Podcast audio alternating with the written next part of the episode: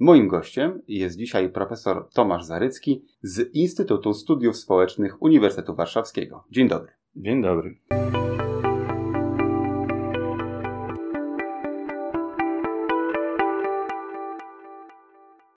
Dziś porozmawiamy sobie o elitach. Dlatego chciałbym, żebyśmy zaczęli od zdefiniowania sobie tego, czym są elity.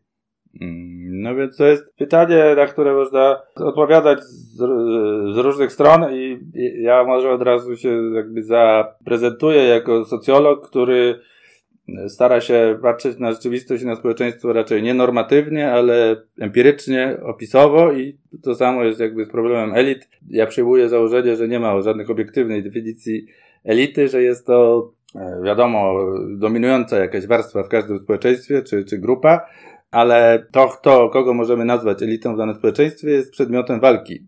I ta walka jest jakby częścią też nauk społecznych, że nauki społeczne w dużym stopniu się angażują w tą walkę i kłótnie często wprost otwarte, prawda, o to, że ktoś jest członkiem elity, ktoś nie jest członkiem elity. Ja bym powiedział, że, prawda, członkami elity, elity tworzą ludzie, którzy, którzy są nazywani elitami i nie, nie budzi to większej kontrowersji. Można by w takim razie zdefiniować jakby osoby, które dominują w danym społeczeństwie jako dominację ekonomiczną albo polityczną, albo dominację w określonych obszarach życia, na przykład tak. E, elita alpinistów albo tak. elita geografów. No tak, no tak, każde, każde tak zwane pole społeczne ma, ma swoją elitę, czyli jakby osoby stojące najwyżej w hierarchii danego środowiska, aczkolwiek też w tych, no w tych polach jest zawsze się toczy wewnętrzna walka czy spór o to, kto jest najlepszy. Prawda? I to często nie jest spór czysto personalny, ale ten spór dotyczy e, zasad regulacji danego obszaru, czyli co, co powinno się uważać za największe osiągnięcie w danym obszarze. I rozumiem, że nie znam się na alpinizmie, no ale pewnie jednak są jakieś, domyślam się, różne kryteria bycia dobrym alpinistą, że tam można więcej gór zdobyć, czy jakimś innym sposobem. Zimowe zdobycie K2. I że nie wiem, tam ze wspomagania, bez wspomagania, pomocą jakichś tych szerbów, bez pomocy, prawda? I, i, pewnie ta spór o, o, ten, o tą wybitność dotyczy też tych, tych, tych zasad, więc, więc dlatego i, i podobnie jest społeczeństwie, prawda, że, że w każdym społeczeństwie jest jakaś dyskusja, co powinno predystynować do, by, do bycia nazywanym elitą, już taką na w skali społecznej, no i to może być, ten spór może być umowany, tak jak pan zwrócił uwagę, w tych kategoriach różnych, prawda, sfer, czy też mówiąc naukowo zasobów, czyli że można być władzę polityczną, władzę ekonomiczną, władzę symboliczną, kulturową i przedstawiciele tych sfer też między sobą są napięciu pewnym i też to jest jakby walka o to, kto z nich jest ważniejszy, lepszy, szlachetniejszy i może być uchodzić za tą elitę. No ale z drugiej strony mamy też te podejścia bardziej normatywne, które tam ustalają, że, że prawda, że, że do elity należą jakieś osoby, które posiadają odpowiedni majątek, czy pełnią na przykład wysokie stanowiska kierownicze, polityczne, no ale tu nie, jakby tu można przytaczać różne takie definicje, ale one będą różne i, i prawda, i to są właśnie dla mnie to są normatywne normatywne, różnorodne podejścia, które, które nie tyle opisują realność, tylko pokazują interes pewnej grupy, prawda, że osoby związane z polityką będą definiowały raczej elitarność jako bycie tym politykiem wysokiej rangi i pełnienie tej jakiejś tam roli e, kierowniczej w polityce. No i analogicznie w innych sferach, prawda, będą, będą jakieś definicje normatywne, które będą dowartościowywać inne frakcje elity. No i prawda, jest też pionowy jakby też spór zawsze o to, prawda, gdzie się kończy elitarność, bo mamy, prawda, możemy się zgodzić mniej więcej, że nie, w polu biznesowym ludzie, którzy mają największe zasoby materialne są elitą, no to jest w miarę oczywiste, bo jakby w biznesie to kryterium jest relatywnie proste. Trzeba po prostu mieć, mieć pieniądze, zasoby finansowe, ale już spór może być o to, ile trzeba mieć tych pieniędzy, żeby być elitą. No i to podobnie we wszystkich innych polach, prawda? Można z grubsza uznać, że jest jakaś tam wspólna zasada, według której wyróżniamy najlepszych, najważniejszych, ale, ale to od punktu odcięcia, że ktoś, czy ktoś jest średniakiem, czy jest już elitą, będzie no zawsze. Dobrze, w skali całego społeczeństwa, bo wiemy na przykład, że dobrze, okej, okay, w kwestii biznesowej 100 y, najbogatszych Polaków to będzie elita polska finansowa, na przykład, załóżmy takie kryterium. Załóżmy kryterium, że od podsekretarza stanu wzwyż to będzie elita polityczna. Natomiast w skali całego społeczeństwa, dla nas jako polskiego e... społeczeństwa, kto by był elitą? No to znów nie, znów to są pytania, które nie, nie, nie mają odpowiedzi do, według mnie, no bo te odcięcia, o których pan mówi, też są arbitralne, prawda? Bo są stu najbogatszych, no bo tak gazety jakby przyszła moda z Ameryki czy z Zachodu na robienie tych list 100 najbogatszych, ale to, to 100 nie jest jakimś odcięciem. Poza tym też wiemy, że, że nie wszyscy się dają liczyć z tych zamożnych biznesmenów, więc te listy są zawsze kulawe. No i to samo dotyczy wszystkich, wszystkich innych sfer. No wśród polityków zaznaczyłem podsekretarza stanu, ale podsekretarzem stanu można dzisiaj być, a jutro już nie. No właśnie. No i plus Więc w mamy... momencie do elity by się zaliczył ten, kto decyduje o tym, kto jest podsekretarzem stanu może bardziej. No, no właśnie, no bo mamy też, prawda, znane, liczne, głośne w Polsce przykłady osób, prawda, które są bardzo wpływowe, a niekoniecznie mają stanowiska formalne. No, we władzach partii obecnej rządzącej, prawda, są osoby na czele z prezesem, na których realna wpływ na rzeczywistość jest dużo wyższy niż formalna funkcja. No i to w każdej sferze są takie szare eminencje często, że w ogóle są osoby, których nie, publicznie nie występują, w ogóle unikają rozgłosu, a są niezwykle wpływowe albo niezwykle zamożne, czy, czy, czy mają jakieś tam inne, e, inne atuty i jakby tylko jakby zainteresowani wiedzą, że to są kluczowe osoby, a publicznie się tego nie ogłasza, więc dodatkowo dodatkowo komplikuje, no i tej plus jeszcze to komplikacja kolejna, czyli to, co pan powiedział, czyli, że jest są te krótkoterminowe kariery i długoterminowe kariery. Ja, mnie interesuje bardziej ta socjologia długiego trwania, czyli to, czy ktoś jest jakby w wielopokoleniowym e, perspektywie członkiem elity, a z drugiej strony mamy taką techniczną, politologiczną analizę elity, czyli dzisiaj na, na ten moment, kto przed południem dzisiaj, prawda, jakie ma stanowiska, prawda, bo wieczorem mogą być demisje, czy jakieś odświeżenie rządu i, i, i już nie, nie będą to te osoby. No i myślę, że tutaj Polska jakby jest szczególnie kłopotliwym krajem do analizy tych elit, no bo mamy dosyć dużą zmienność wszystkiego jakby i tych, prawda, rządów, które się dosyć często zmieniają relatywnie w Polsce, w związku z tym ta czysto polityczna elita jest, jest dynamicznie zmieniająca się, ale też, prawda, perspektywy historycznej te elity ekonomiczne się tam wymieniają i, i, i instytucjonalizacja w ogóle polskiej, nie tylko polityki, ale państwa polskiego, no niestety nie jest w historycznej perspektywie zbyt mocna, więc, więc trochę jesteśmy w takim, w takim płynnym, prawda, płynnym stanie, że, że rzeczy nie są, nie są wyraźnie zdefiniowane w stosunku do wielu krajów zachodnich, gdzie ta elitarność jest dużo bardziej precyzyjna, no bo duże pieniądze się dziedziczy z pokolenia w pokolenie, wiadomo, że duże to duże, a, a nie ma, a nie średnie, Podczas gdy w Polsce nawet zamożność jest, prawda, taka względna, bo, bo jesteśmy jakby krajem na dorobku i nawet stwierdzenie, że ktoś jest bogaty jest, jest jakby do tej pory, myślę, dużo mniej oczywiste, co to znaczy porównaniu do krajów y, zachodnich. Centralizacja jest, e, jest niewielka polskiej polityki też w sensie właśnie politycznym, ponieważ te partie się ro, rozpadają bardzo często, że prawda, państwo polskie ulega czy to jakimś reformom, czy w ogóle zanika co pewien czas, w przeciwieństwie do większości krajów zachodnich, gdzie, gdzie to jest wszystko dużo bardziej stabilne, więc myślę, że to jest taka pewna cecha naturalna polskich elit, że one są słabo zinstytucjonizowane, takie dosyć, prawda, dynamicznie zmieniające się i że, że musimy z tym, z tym żyć, że de facto jesteśmy przyzwyczajeni do tego, że, że ta elitarność nie jest, nie jest definiowana w sensie takim technicznym, precyzyjnym, jak, jak w większości krajów e, zachodnich, co nie znaczy, że na zachodzie też nie toczą się prawda, spory o to, kto jest częścią tej elity. No Czyli no. możemy powiedzieć, że to, czy ktoś należy do elity, czy nie, to jest bardziej art niż science, to jest raz, a dwa, że elitarność w warunkach polskich jest słabo ukorzeniona i tak naprawdę tymczasowa nie słabo ukorzeniona, słabo zinstytucjalizowana. Ja bym tutaj to słowo instytucjalizacja bym powiedział. Tu taki na przykład przykład ładny mógłbym przytoczyć. Jest takie norwescy badacze zrobili takie bardzo ciekawe badanie nad elitą Norwegii. Oni używają tego takiego pojęcia technicznego pole władzy, który Pierre Bourdieu zaproponował, którego ja też staram się e, używać, ale no ono jest de facto taką techniczną e, synonimem elity.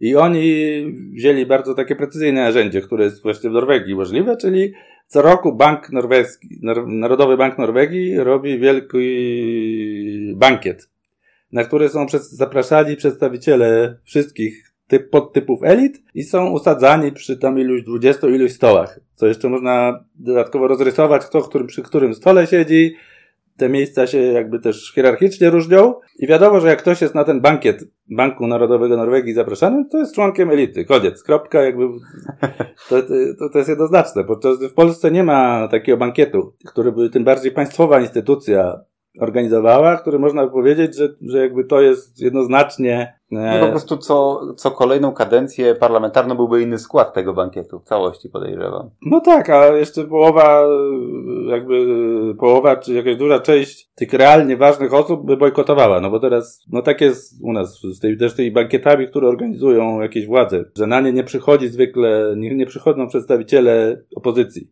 zależnie od tego, prawda, kto rządzi, bo...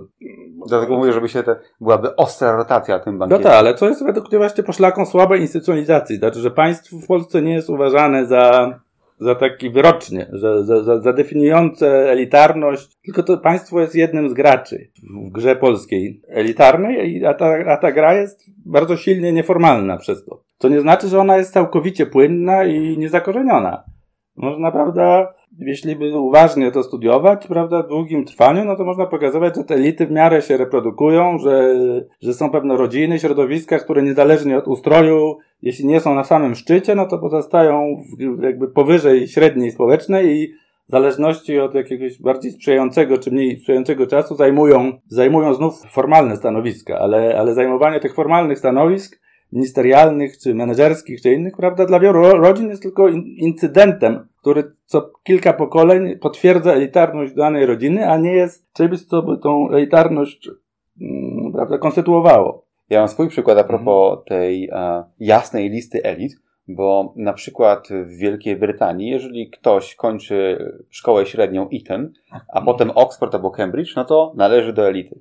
Jeżeli we Francji ktoś kończył nieistniejący już teraz École Nationale d'Administration, także był członkiem elity. Podobnie w Stanach jest Ivy League. Ktoś mhm. kończy taki uniwersytet, jest elitą, a na przykład w XIX wieku w Brazylii, jak ktoś miał więcej niż zdaje się 5 czy 10 tysięcy hektarów ziemi obsadzonych e, kawą albo mhm. gdzie wypasał bydło, no to był członkiem elity kawowej albo mlecznej i oni razem kawa z mlekiem tworzyli klasy rządzące Brazylią. Natomiast sam fakt, że w Polsce zmienił się ustrój, spowodowało także ostre przemieszanie się elit, bo za czasów władzy komunistycznej, która znowu zaorała poprzedni ustrój całkowicie, mhm. do grupy trzymającej władzę, do tych, którzy byli najważniejsi w kraju, należała wąska grupa działaczy. Przy czym tych, tych grup działaczy było kilka i one też nawzajem się zwalczały.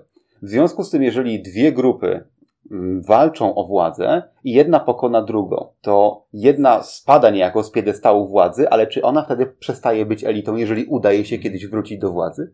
Ja bym aż tak binarnie nie traktował tego, tego co się w Polsce działo. Ja, ja bardziej wskazuję na rolę inteligencji jako takiej nie do końca dobrze zdefiniowanej, ale kluczowej formy elitarności w Polsce. I, I uważam, że w okresie komunistycznym ta rola inteligencji też była niezwykle ważna no tu można by się rozwodzić, prawda, nad tymi kolejnymi etapami okresu komunistycznego i pokazywać, jak ta pozycja inteligencji i jej frakcji różnych się zmieniała. No ale, ale ja już bym na przykład mówił, że wyraźnie lata 60. od Olwilży, no to jest, to jest okres do 68 roku, gdzie inteligen- duża część inteligencji, taka liberalno-lewicowej, zostaje bardzo wyraźnie dowartościowana. I, I, część tej inteligencji jest też, prawda, w tych władzach formalnych, politycznych Polski Ludowej. Bo, bo, bo myślę, że, że warto jednak jakby wskazać, że ta elitarność, nawet w, w systemie komunistycznym, może poza jakimś tam okresem stalinowskim, to nie jest wyłącznie sprawowanie władzy czysto politycznej. To nie jest wyłącznie prawda, zajmowanie stanowisk politycznych. Elita zawsze, każdy poza totalitarnym krajem, zawsze składa się z frakcji różnych, które, które się dopełniają. Zwykle, prawda, ta elita pieniądza czy elita polityki jest silniejsza od elity kultury, ale bez elity kultury nie można rządzić krajem. E, I i, I w tym sensie można pokazać, że, że, że, że w okresie komunistycznym ta inteligencja odgrywała bardzo dużą rolę i czasami była blisko polityki, jak w latach 60. Po 68 roku istotne frakcje inteligencji zostały wypchnięte poza politykę w sensie formalno-prawnym ówcześnie i taką władzę, prawda, partyjną, ale nie znaczy, że one przestały być, prawda, częścią elity.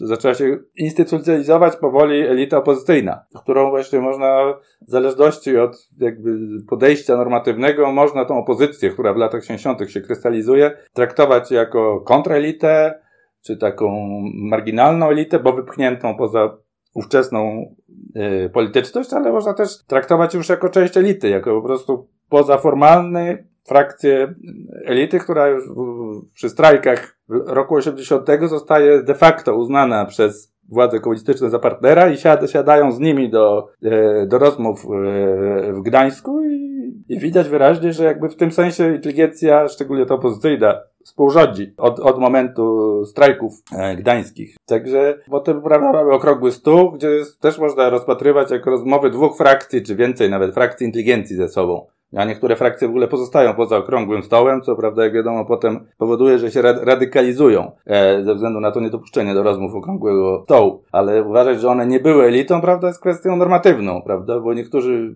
Ci, którzy byli przy okrągłym stole, wiedzą, że do okrągłego stołu zasiadły elity. Ludzie, którzy nie byli elitami, nie zostali zaproszeni, no bo trudno jakby każdego z ulicy brać do okrągłego stołu. A inni powiedzą, że właśnie okrągły stół wy wykluczył część elit, dogadały się ze sobą dwie ważne frakcje, ale pozostałe zostały yy, wykluczone.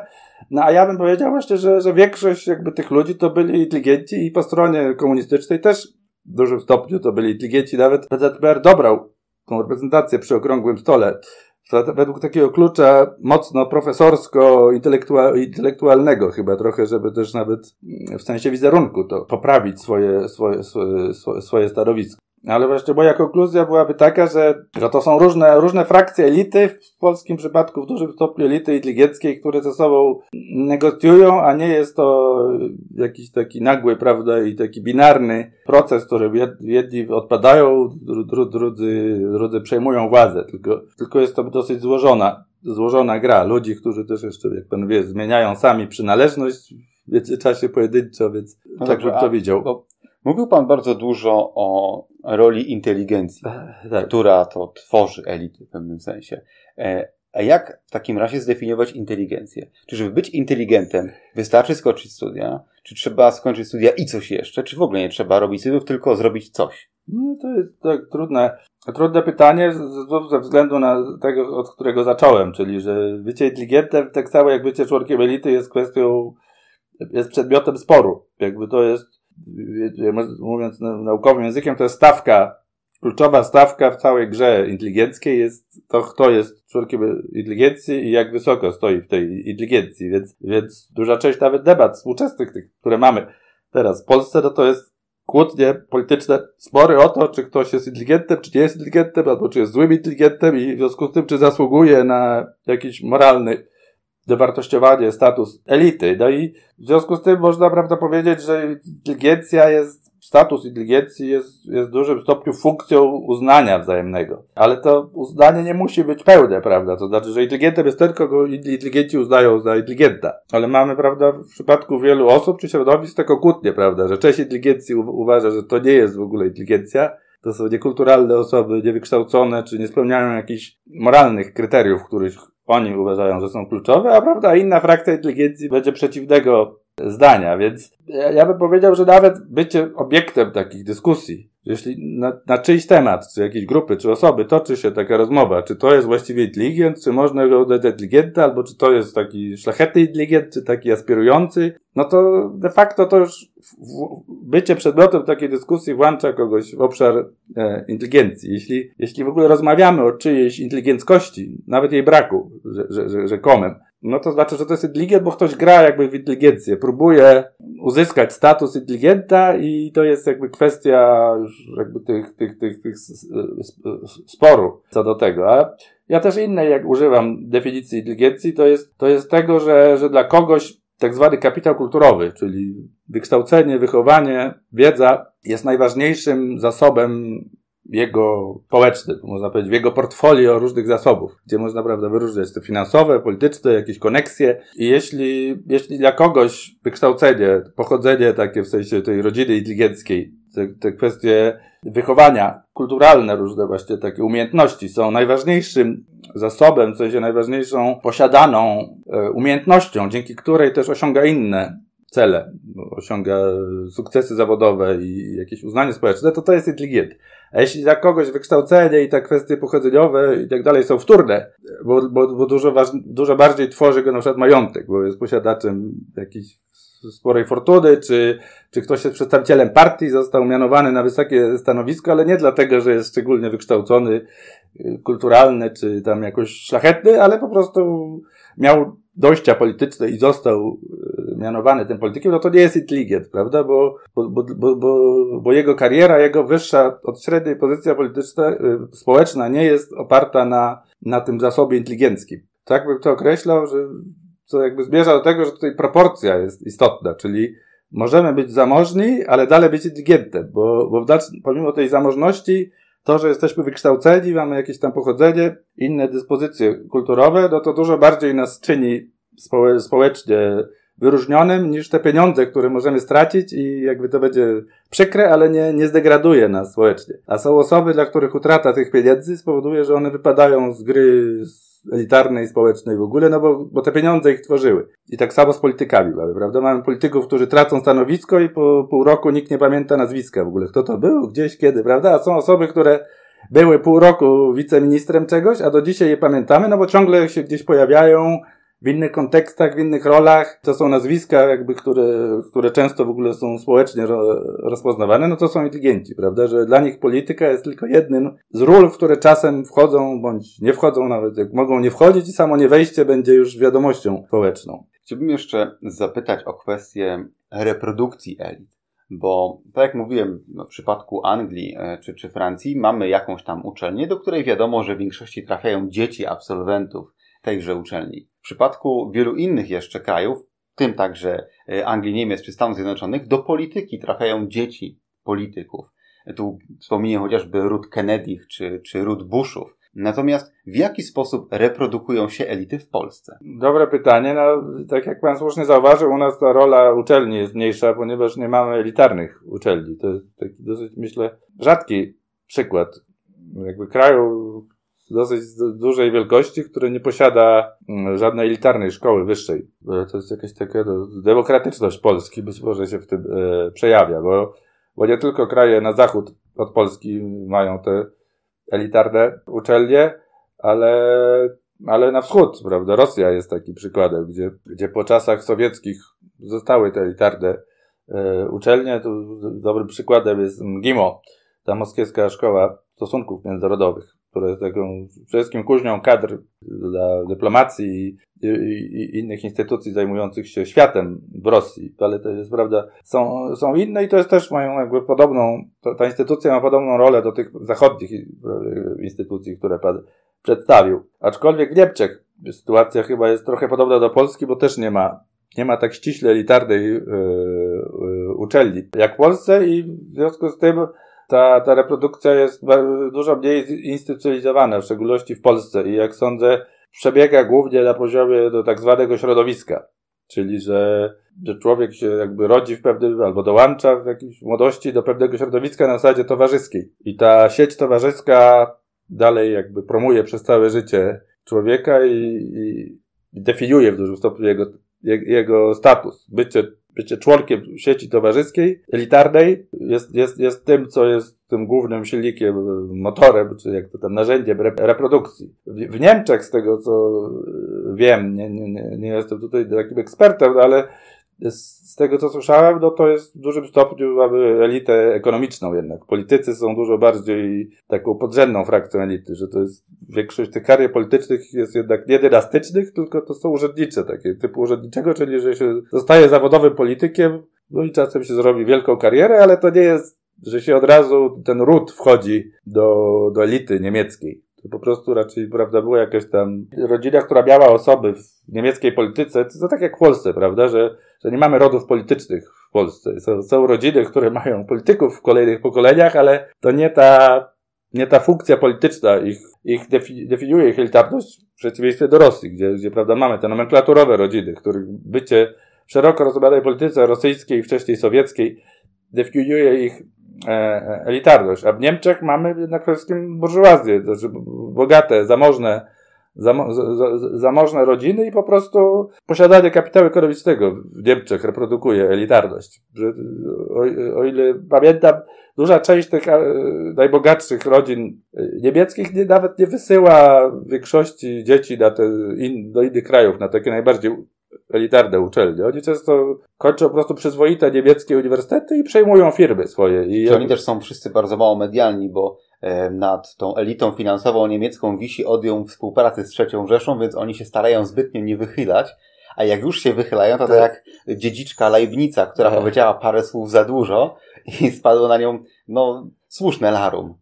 No tak. Pewnie to jest jedna z przyczyn, dla której oni taki dystansowany wobec publicznej sfery mają stosunek i, i się nie afiszują za mocno, no ale to jest główny mechanizm. Po prostu dziedziczy się tą fortunę ekonomiczną i przejmuje się firmę, czy jakąś tam rolę w zarządzie, czy, czy chociażby się udziały i, i, i się kontynuuje tą e, elitarność. No, no, a w Polsce, tak jak, tak jak mówiłem, sądzę, że to jest przede wszystkim ta nieformalna, środowiskowa gra, która, która definiuje tą elitarność i jak dane środowisko dochodzi na przykład do władzy politycznej, no to się bierze ten, e, prawda, jak to się mówi, notes. Dzisiaj to pewnie w telefonie wszyscy mają. Ale, ale jak prawda była no, ta, to najbardziej wyszło, tak w sensie, że jest historycznie dokumentowane w momencie upadku komunizmu. Jak był pierwszy rząd Mazowieckiego. To była jakby grupa inteligentów, która się świetnie działa, znała, z, prawda, z działalności opozycyjnej, z organizacji katolickich, e, jakichś tam strajków Stoczni Gdańskiej i oni w momencie, kiedy dostali pierwsze stanowiska w rządzie, na początku, prawda, Mazowiecki, potem kolejne obsadzanie ministerstw, no to były te zeszyty bliskiej sieci towarzyskiej. Tych, których się prywatnie znało, tych, którzy, których się zapraszało do domu na, na, na, na spotkania i to, i to była, to była ewidentnie ta logika. No i te, teraz jakby jest dużo bardziej ten dobór urzędników jest dużo bardziej zakulisowy. Dużo mniej wie, wiemy na ten temat, no ale sądzę, że intuicja jakby pozwala się domyślać, że, że w dalszym ciągu to kryterium przynależności do nieformalnej sieci towarzyskiej, które ja, ja technicznie uważam, że w kategoriach przede wszystkim inteligenckich trzeba rozpatrywać, to pozostaje tym, tym, tym głównym kryterium i to jest też na, na dłuższą metę ten mechanizm jakby reprodukcji polskich elit, który w pewnych środowiskach już się zaczyna od, od dzieciństwa, czyli prawda, że, że rodzice przynależą do pewnych kręgów towarzyskich i wychowanie dziecka odbywa się w związku z tym w tym kręgu towarzyskim i w ten sposób, jakby sposób taki wręcz na poziomie podświadomym, intuicyjnym odbywa się ta socjalizacja do elitarności, która jest postrzegana po prostu jako krąg rodzinny, a de facto to nie jest krąg czysto biologicznie rodzinny, tylko to jest krok towarzyski rodziców, szerszy krok ro, towarzyski rodziców, który daje potem na całą resztę życia takie, takie poczucie, że z osobami, którymi się spędzało, gdzieś zna się od dzieciństwa, jest nie tylko po imieniu, ale, ale, ale ma się takie poczucie rodzinności, prawda, człowiek się zna i potem te osoby nagle w różnych momentach historycznych pojawiają się w telewizorze, w rządzie albo w zarządach jakichś firm w zależności, potem znikają i tak dalej, ale, ale są to osoby, które, które się uważa za członków własnego kręgu y, towarzyskiego i myślę, że to jest kluczowy właśnie mechanizm tej reprodukcji i, i w danych momentach rekrutacji do kolejnych tych, prawda, pokoleń różnych tam zarządców, polityków i, i menedżerów. Wedle tej logiki włączenie do elity może nastąpić po prostu przez wejście w czyjąś sieć towarzyską. No myślę, że to jest w polskim przypadku to jest kluczowe, prawda, że jest tam ileś, wiele więcej ścieżek, prawda, tych karier, ale jeśli chodzi o taką trwałą elitę, która się reprodukuje, która zapewnia jakąś stabilność społeczną, no to jest główne, jakby, główne, główne narzędzie, główny mechanizm, ta kooptacja do takich, jakiegoś wyrazistego kręgu środowiska inteligenckiego przede wszystkim, towarzyskiego, bo pewnie też nie tylko inteligenckie są, tak Domyślam się, że na przykład, prawda, w służbach mundurowych, które nie są inteligenckie w Polsce i niewiele o nich wiem, ale że też jest pewna rekrutacja wielopokoleniowa i że to są kręgi towarzyskie tych wysokich oficerów, którzy się znają i którzy są w stanie w kolejnych pokoleniach reprodukować swój status, bo duża część jakby ich, czy bezpośrednio potomstwa, czy prawda, czy jakieś potomstwa tego kręgu towarzyskiego też, też się re, reprodukuje. Czy to by znaczyło, że polski elitaryzm jest nierozerwalnie związany z nepotyzmem?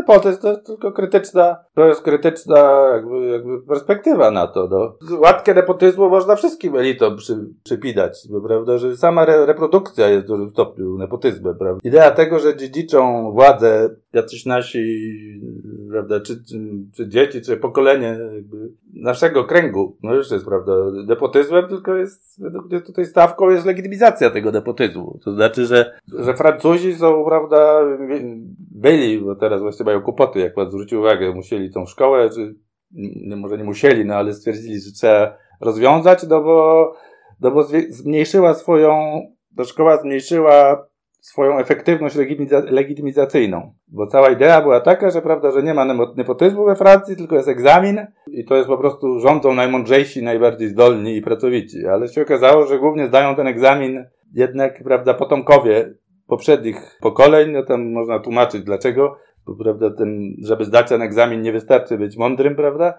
On jest tak ustawiony, czy był ustawiony, żeby, żeby uprzywilejować tych dzieci poprzedniej jakby generacji elit. Według mnie tutaj główną stawką jakby jest, kto umie lepiej ten nepotyzm e, zamaskować. I w tym sensie Amerykanie też mają nepotyzm, prawda? Bo jak pan zwrócił uwagę na te dynastie Bushów, tam Kennedy i jeszcze, prawda, ileś tych dynastii, no, która są przede wszystkim burżuazyjnymi, to, to są oligarchie, prawda, finansowe, które wchodzą, Bushowie to nie są politycy, to są właściciele tych, prawda, koncernów. Tak, tak, którzy bywają politykami jak trzeba. No i to jest, prawda, ścisły nepotyzm, tylko że w obecnej świecie jakby to jest w miarę zalegitymizowany nepotyzm, że dziedziczenie fortuny finansowej z ojca na syna, prawda, nie jest, nie jest uważane nepotyzmem. Znaczy w Stanach to jest w ogóle prostsze troszeczkę, bo e, żeby wejść do elity trzeba zrobić na przykład Uniwersytet Harvarda, ukończyć studia tamże. Studia te kosztują 100 tysięcy dolarów na przykład rocznie. Czy to są tego typu sumy? Pieniądze absolutnie nieosiągalne dla przeciętnego e, Amerykanina. W związku z tym na te uczelnie mogą trafić super zdolni, którzy dostają jakieś magiczne czesne, no albo dzieci ludzi, którzy po prostu są w stanie wyłożyć setki tysięcy dolarów na edukację własnego dziecka po to, żeby nie miało problemy z, mhm. tym, problemu z tym, żeby być zaliczone do elity. W związku z tym faktycznie posiadanie pieniędzy w Stanach Zjednoczonych jest dużo ważniejsze niż cokolwiek innego w tym wypadku. Ale w tej grze amerykańskiej też oprócz czystych pieniędzy, które są dominujące i takie mało zawalowana jest ta gra jakby fortun, fortun wielkich, ale też, też, też jest ta stawka przynależności to, towarzyskiej do środowiska jednak taka, jakby, co, co, co się też no, przejawia tych mechanizmach rekrutacji na te najlepsze uczelnie amerykańskie, bo jak pan może kojarzy, tam jest też ten mechanizm uprzywilejowanego dostępu przede wszystkim dla, absolw- dla dzieci absolwentów. Są dodatkowe punkty. Przy e, rekrutacji dla dzieci tak, absolwenta no, tejże nawet uczelni, za tradycję rodzinną. Często właśnie, nie mają, chyba to nie są punkty, tylko de facto to jest po prostu, może tam jakieś czasy punkty są, no ale to jest decyzja polityczna władz uczelni, prawda, że przyjmuje jakiś, jakąś grupę potomków tych, teoretycznie tych absolwentów, ale de facto po prostu członków elity. Więc myślę, że, że te amerykańskie uczelnie y, jednak mają kil, jakby kilka funkcji, że to jest przede wszystkim jakby dzieci elity, które najbogatsze elity, ale ale z jednej strony to są miejsca, za które można kupić po prostu, jak się jest bogatym, ale z drugiej strony to są miejsca bardziej takie, że właśnie się, że się je dziedziczy po, po przodkach, którzy już są w elicie. Zwykle, zwykle w dalszym ciągu to są bogaci ludzie, ale to już jest logika trochę bliższa tej polskiej, środowiskowej jednak. Czyli, że trzeba mieć pieniądze tam, ale, ale, ale głównie się liczy, że się jest uważanym za swojego. I ma się ileś ciągle aktywnych znajomych w amerykańskiej elicie, którzy są w stanie jakoś tam jakimiś kanałami dać znać, tak na przykład, prawda, w jakichś kręgach, które są z ważną uczelnią związane, że tu warto tego młodego człowieka warto przyjąć. No i, prawda, ten konflikt, który był między Trumpem a tą elitą dominującą amerykańską, no też można tak rozpatrywać, prawda? Że Trump był w miarę, czy jest zamożny w miarę, ale towarzysko był wykluczony. Nie był w tej starej elicie, nie tylko bogatej, ale, ale tej konstytuowanej, liberalnej, starej amerykańskiej elicie, więc co, co według mnie wskazuje też, że tam jest ten, ta zmienna kooptacji towarzyskiej do elit i uznania za bycie moralnie zasługującym na, na tą towarzyskie przynależność do elity też jest. Ona nie jest tak dominująca jak w Polsce, bo w Polsce to jest po prostu esencja jakby gry, a, ale też, też istnieje, no i we wszystkich innych krajach też, też to się dzieje, prawda? Jak ja się tej rosyjskiej wspomnianej uczelni przyglądają, to tam też jakby mamy te, te trzy ścieżki z grubsza są na tej moskiewskiej elitarnej uczelni. Z jednej strony to są te miejsca dziedziczne nomenklatury, gdzie wiadomo, że dzieci ważnych polityków czy jakichś członków elity współczesnej będą przyjęte. Z drugiej strony to są miejsca płatne dla bardzo bogatych Rosjan, oligarchów, czy prawda, innych zamożnych osób, które są w stanie opłacić niezwykle ten. No i trzeci, który Amerykanie też mają, prawda, zawsze. Trzecia ścieżka to są dzieci geniusze, których oni potrzebują, prawda, dla legitymizacji, bo trzeba pokazać, że jakoby zdolności są ciągle ważne, bo jak to, jakby ten mit upadnie, to się zawali jak domek z kartce, jakby cała zasada reprodukcji, która jest na merytokratycznym micie oparta szczególnie na zachodzie, ale wszędzie w sumie obecnie we współczesnym y, świecie. No i realnie potrzebują trochę zdolnych ludzi, jest, jest potrzebna, więc na wszystkich tych elitarnych uczelniach przyjmuje się trochę osób realnie jakby z ulicy, można powiedzieć, i daje się im stypendia. E, na zasadzie, prawda, że, że, że to są bardzo, zdol, bardzo zdolna młodzież, która jest kooptowana tą niezwykle, zwykle wąską ścieżką, która nie zagraża jakby reszcie elit. Czyli można w tym momencie założyć, że koncept elity jest pewną umową społeczną. Aha. My się umawiamy, że będziemy mieli jakąś elitę. Umawiamy się, że z grubsza rzecz biorąc, takie a takie kryteria, jeżeli kogoś uważamy za elitę, to elitą będzie. I my sobie elitę stworzyliśmy sami. Nie no, ona odwrotnie, prawda, że elita nas jakby stworzyła.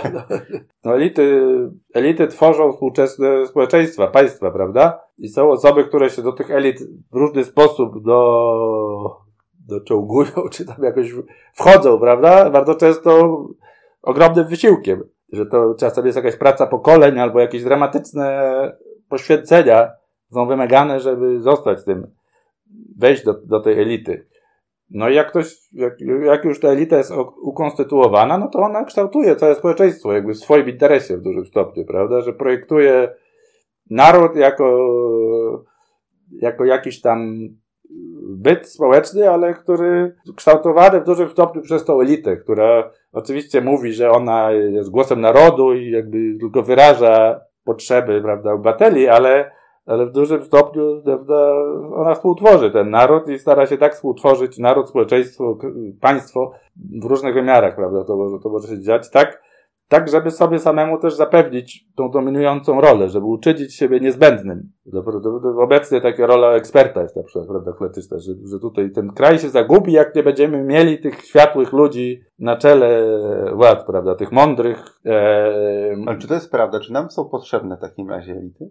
No są, no bo inaczej no, jest potrzebna jakaś w sensie koordynacja społeczna, prawda? Że, że społeczeństwo nie może istnieć bez, bez jakiegoś obszaru takiego wyróżnionego, który, który koordynuje jego, jego działanie. Raczej takich, raczej nie ma, nie ma społeczeństw, to czy były, prawda, jakiś przed nowoczesnym etapie, jakimś plemiennym, prawda, ale przy now, nowoczesny, świat nowoczesny według mnie no, wymaga tych, tego, żeby te jakieś grupy społeczne, które nazywamy głównie narodami, te społeczeństwami, miały, miały wyróżnioną elitę, która reprezentuje właśnie je, prawda, daje jakiś kierunek, spójność, bo, bo jak, nie, jak nie będzie tej elity, no to te, te społeczeństwa zostaną, mówiąc brutalnie, podbite, prawda, przez, przez inne kraje, które sobie podporządkują. Czyli, z tego co pan mówi, istnienie elit jest nieuniknione.